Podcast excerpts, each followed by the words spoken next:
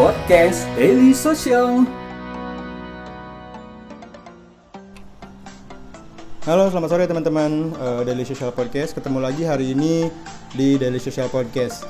Untuk episode kita yang kesekian kalinya ini, uh, kita bakal nge- ngebawain topik yang mungkin baru uh, kita bawain hari ini. Sebelum-sebelumnya kita belum pernah bawain, uh, yaitu tentang bisnis uh, B2B atau business to business gitu. Nah, kebetulan untuk topik hari ini kita bakal ngebahas tentang e-procurement dengan pelakunya langsung. Nah, untuk hari ini saya udah kedatangan Mas Rin ya, Mas Rin dari MBIS. Halo Mas Rin. Halo, halo. Apa kabar Mas Rin? Baik, baik, bos. Eh, Mas Rin ini adalah CEO dan co-founder. COO dan co-foundernya dari mbis.co.id gitu. Eh, langsung aja mungkin ya Mas Boleh. ya. Eh, apa sih Mas e-procurement itu? E-procurement mungkin kalau diterjemahkan langsung aja sebenarnya kan electronic procurement. Orang Hmm. pasti mikirnya adalah uh, pengadaan secara digital. Oke. Nah, sebenarnya tapi MB sendiri sebenarnya memposisikan diri sebagai pionir dari end-to-end e-procurement solution. Oh. Jadi kata kuncinya sebenarnya bukan di e-procurementnya sih, Hmm. bukan di pengadaannya, Bukan tapi pengadaan. solusi pengadaannya. Oke. Nah itu panjang banget sih soalnya Hmm. ceritanya. Kalau kita berpikir kan pengadaan sebenarnya sepertinya terlalu gampang bahwa ada website, ada sistem procurementnya, orang beli, Hmm. ya selesai gitu. Yeah. Sedangkan kalau kita yang kita berikan eh, kenapa kita menyebutin solusi? Karena yang kita jual nggak cuma produk jadi, tapi yang kita jual juga banyak services, layanan gitu. Hmm. Oke. Nah ini yang mulai kompleks nih. Oke, gitu. Eh, terus kalau boleh tahu nih, kenapa Mas Rin dengan teman-teman dan tim itu memilih bisnis e-procurement? Oke, Uh, mungkin awalnya bahwa kebetulan dari dari tim yang founder-founder yang kita ada bertiga itu memang backgroundnya uh, berbeda-beda. Saya Hmm. Oke. sendiri uh, kebanyakan dulu lebih banyak di logistik, terus Oke. terjun ke uh, B2C. Waktu Oke. B2C lagi rame-rame Iya. tahun 2012. Di sana lumayan lama, tiga setengah tahun. Kemudian ada satu lagi founder yang lain dari uh, investment banking. Oke. Nah, yang satu lagi dari principal, uh, jadi enterprise nih. Oke. Jadi yang pegang-pegang brand Ya. dan lain sebagainya. Nah, Hmm, hmm, pada waktu itu kita eh, berbagi mimpi yang sama bahwa di Indonesia itu banyak banget e-commerce, lebih Hmm. banyak ke B2C, C2C. Oke. Tapi kok belum banyak yang benar-benar konsentrasi ke arah B2B. Jadi Hmm. masih fragmented nih. Oke. Marketnya pun masih untapped. Hmm. Sedangkan kalau kita ngeliat di eh, negara-negara yang lebih mature, jadi kayak Oke. di eh, China, kayak di Korea, itu yang lebih gedenya lagi itu sebenarnya pasar pangsa pasar B2B. Oh, oke. Puluhan kali lipat lebih besar dari dari B2C ataupun Iya. C2C. Nah, di sini kami melihat bahwa oke, mungkin ini peluang yang harusnya kita bisa kerjain. Hmm. Di situlah starting kita mulai ngadain research. Akhirnya e-procurement menjadi salah satu bentuk uh, segmen Hmm. yang kita pengen tangkep dari B2B-nya. Oke, Gitu. B2B-nya ya. Jadi memang murni untuk B2B. Murni untuk Gitu. B2B. Oke gitu. Mas, kalau saya baca di website nih, Mm-mm. eh MBIS ini atau bisnis e-procurement ini bisa mengurangi sisi eh, kecurangan atau korupsi lah ya kita Ya, katakan ya, ya, dalam pengadaan-pengadaan barang yang dilakukan oleh entah itu perusahaan atau mungkin eh, pemerintah daerah gitu ya, Ya, pemerintah ya, ya. pemerintahan gitu, instansi-instansi pemerintahan. Hmm. Nah, kalau boleh tahu nih seberapa concern sih MBIS dalam penanggulangan kecurangan atau korupsi itu? Oke. Nah, value MBIS sendiri yang kami usung sebenarnya kan berusaha mengedepankan yang namanya integritas, Mm-mm. yang kedua transparansi. Oke. Nah, tapi apakah terkait dengan mengurangi korupsi, kecurangan? Buat kami sebenarnya itu suatu bonus sih gitu. Oke. Konsentrasinya nggak sebenarnya nggak untuk ngurangin kecurangan ataupun gimana caranya supaya orang nggak korupsi, tapi Hmm. konsentrasinya adalah supaya proses pengadaan itu bisa terjadi secara transparan, eh, meningkatkan produktivitasnya dalam artian eh, secara cepat, Oke. eh, lebih efisien dan otomatis apabila suatu ekosistem itu terbentuk lebih produktif, lebih efisien, le- efi- efisien lebih cepat dan terus crowd, crowd control ya, semua orang orang bisa ngontrol Hmm. proses pengadaannya. Ujung-ujungnya akan ada bonusnya yang namanya orang bisa saving. Oke. Kemudian karena karena prosesnya sangat transparan, akhirnya bentuk-bentuk penyelewengan bisa jadi lebih di dikurangi eliminir ya, ya. kayak gitu sih. Gitu.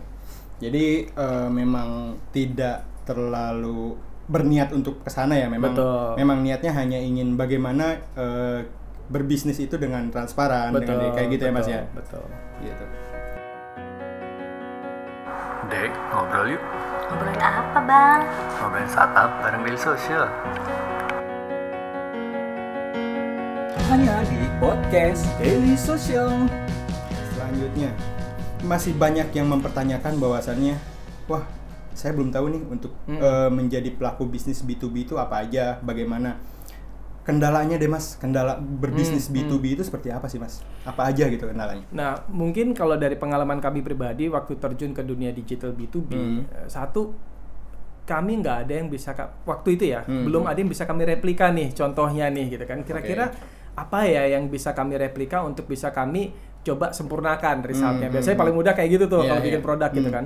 Cuman nggak ada nih kenyataannya. Nah, terus kalau kami belajar dari pengalaman-pengalaman yang ada, kebanyakan yang muncul saat itu masih SaaS nih, bener-bener aplikasi yang hanya konsentrasi ke e-procurement-nya Oke. tapi nggak sampai ke detail mengenai solusi, kepada Solusi. pelanggannya. Nah, tantangan pertama otomatis adalah edukasi. Hmm. Kenapa mereka harus convert nih dari pengadaan uh, mereka yang pakai available system ya. atau bahkan mungkin yang konvensional Ya. uh, ke ranah digital. Hmm. Akhirnya kami memang harus ngelihat dulu pain point-nya ada di mana sih sebenarnya saat ini yang di, di- dijalankan oleh para pemangku kebijakan dan Oke. situlah kami yang berusaha convert sih menjadi digitalnya. Oke. Challenge terbesarnya bagi, bagi kami adalah nggak semua proses bisa didigitalkan ternyata. Oke. Di sini kadang-kadang harus hybrid Hmm. sih. Oh ya, mungkin eh, eh, masih ada tahap eh, apa ya? Persetujuan yang panjang mungkin ya, seperti itu. betul, betul. Jadi sebenarnya kami yang berusaha memahami bahwa perusahaan-perusahaan itu ada perusahaan dari sederhana sampai yang paling kompleks. Iya. Nah, kebetulan sistem MBIS kami create-nya untuk bisa eh, adaptasi terhadap perusahaan yang paling kecil sekalipun Mm. sampai perusahaan yang paling kompleks Kompleks. sekalipun. Nah, cuman emang semakin kompleks suatu perusahaan, biasanya prosesnya itu semakin berbelit, Ya, orang semakin- susah dicari, Hmm. bosnya ke mana-mana nggak ketemu, tumpukan kertas yang harus di-approve Banyak. numpuk di meja kemudian segala macam bentuk faktur pajak ataupun invoicing semuanya masih kertas. Nah, Hmm. di sendiri kami berusaha mendigitalisasi itu. Nah, Oke. memang kenyataannya adaptasi terhadap market kadang-kadang mereka masih butuh megang kertas. Nah, Oh, di sini iya. bentuk edukasi yang harus terjadi nih kayak Iya. gitu. Oke, makin menarik nih tentang bisnis e-procurement yang yang tujuannya memang B2B gitu ya. Eh, Mas Rin, Ya. eh, untuk keunggulan nih berbisnis EMB sendiri berbisnis e-procurement ini dibanding dengan cara tradisional apa aja sih Mas? Eh, satu dari sisi ekosistem ya, Hmm. Eh, karena sering kali kan kalau kita bicara apa namanya pengadaan dalam suatu perusahaan, Hmm. tipikal pengadaan per satu perusahaan itu berbeda-beda nih Iya. dari sisi culture-nya. Mungkin contoh paling gampang kayak gini, ada perusahaan yang pengadaan laptop misalnya, Iya. semakin tinggi ranking atau penjabatan seseorang dalam suatu perusahaan, laptopnya paling canggih. Ya. Padahal nggak harusnya nggak kayak Nggak gitu. harusnya. Harusnya yang yang paling membutuhkan technicality apa namanya spek Spek laptopnya. Itulah yang harusnya yang paling Ya. bagus laptopnya. Misalnya anak tech, developer Ya. harusnya paling canggih. Ya. Tapi banyak perusahaan-perusahaan yang sering kali malah bosnya yang paling paling tinggi jabatannya, laptopnya yang paling Paling- mahal. ya. Padahal cuma buka email, eh, mungkin browsing-browsing, Ya. nggak banyak yang Ya. kepake. Nah, di sini letak eh, keunggulan MBIS bahwa e-procurement atau end-to-end solution yang kami kami berikan di sini nggak cuman ini sistem pakai beli nggak tapi Oke. kini kita juga bisa memberikan mereka kayak misalnya kita bikin ada komunitas gitu ya bikin bikin uh, bagaimana pengadaan yang efektif Hmm. kemudian kita juga bisa memberikan konsultasi ke mereka juga seperti Iya. apa nah di sini bentuk end to end solution yang kami uh, berikan kepada pelanggan-pelanggan kami Oke. jadi nggak cuma berhenti ini prosesnya udah deh beresin Hmm. nggak cuman one stop Ya, udah kelar Nggak gitu. cuman buat beli doang. berkelanjutan Nah, betul Gitu kayak gitu ya. betul. Tunggu dulu Ferguson. Ada apa?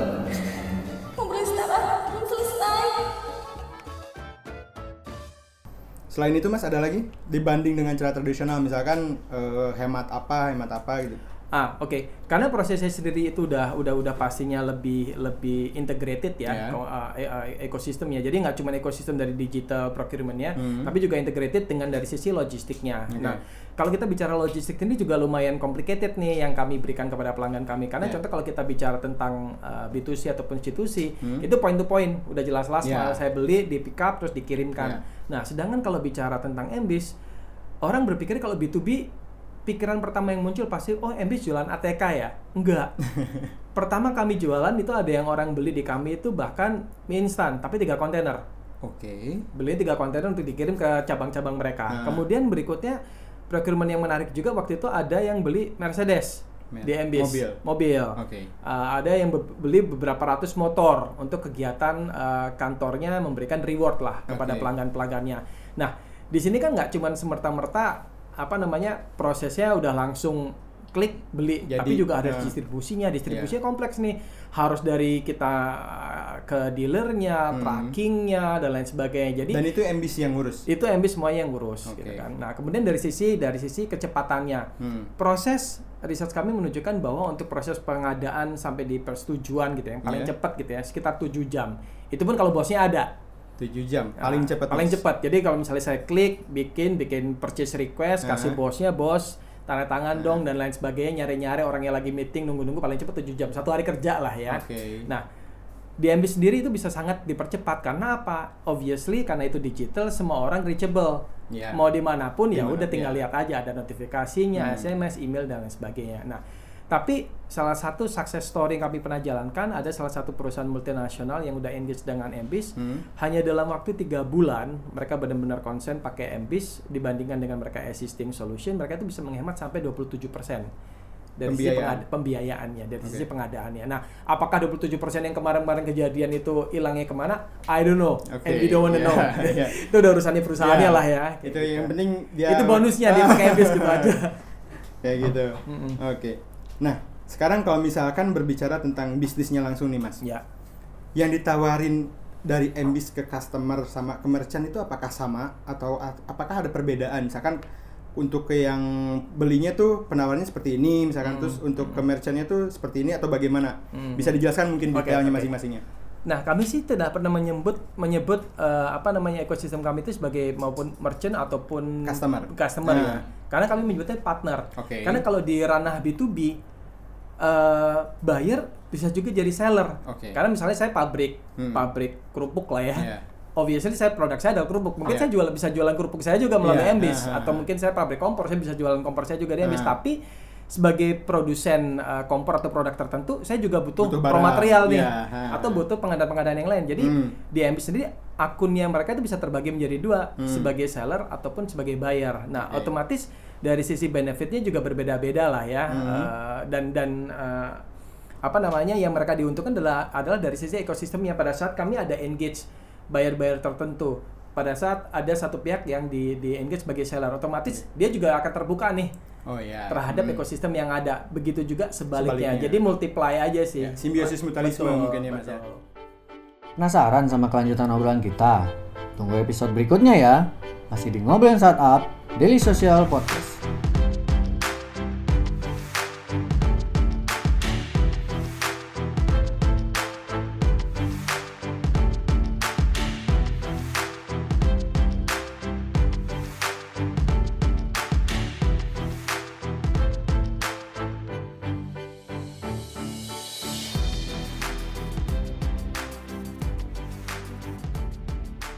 Daily Social Podcast.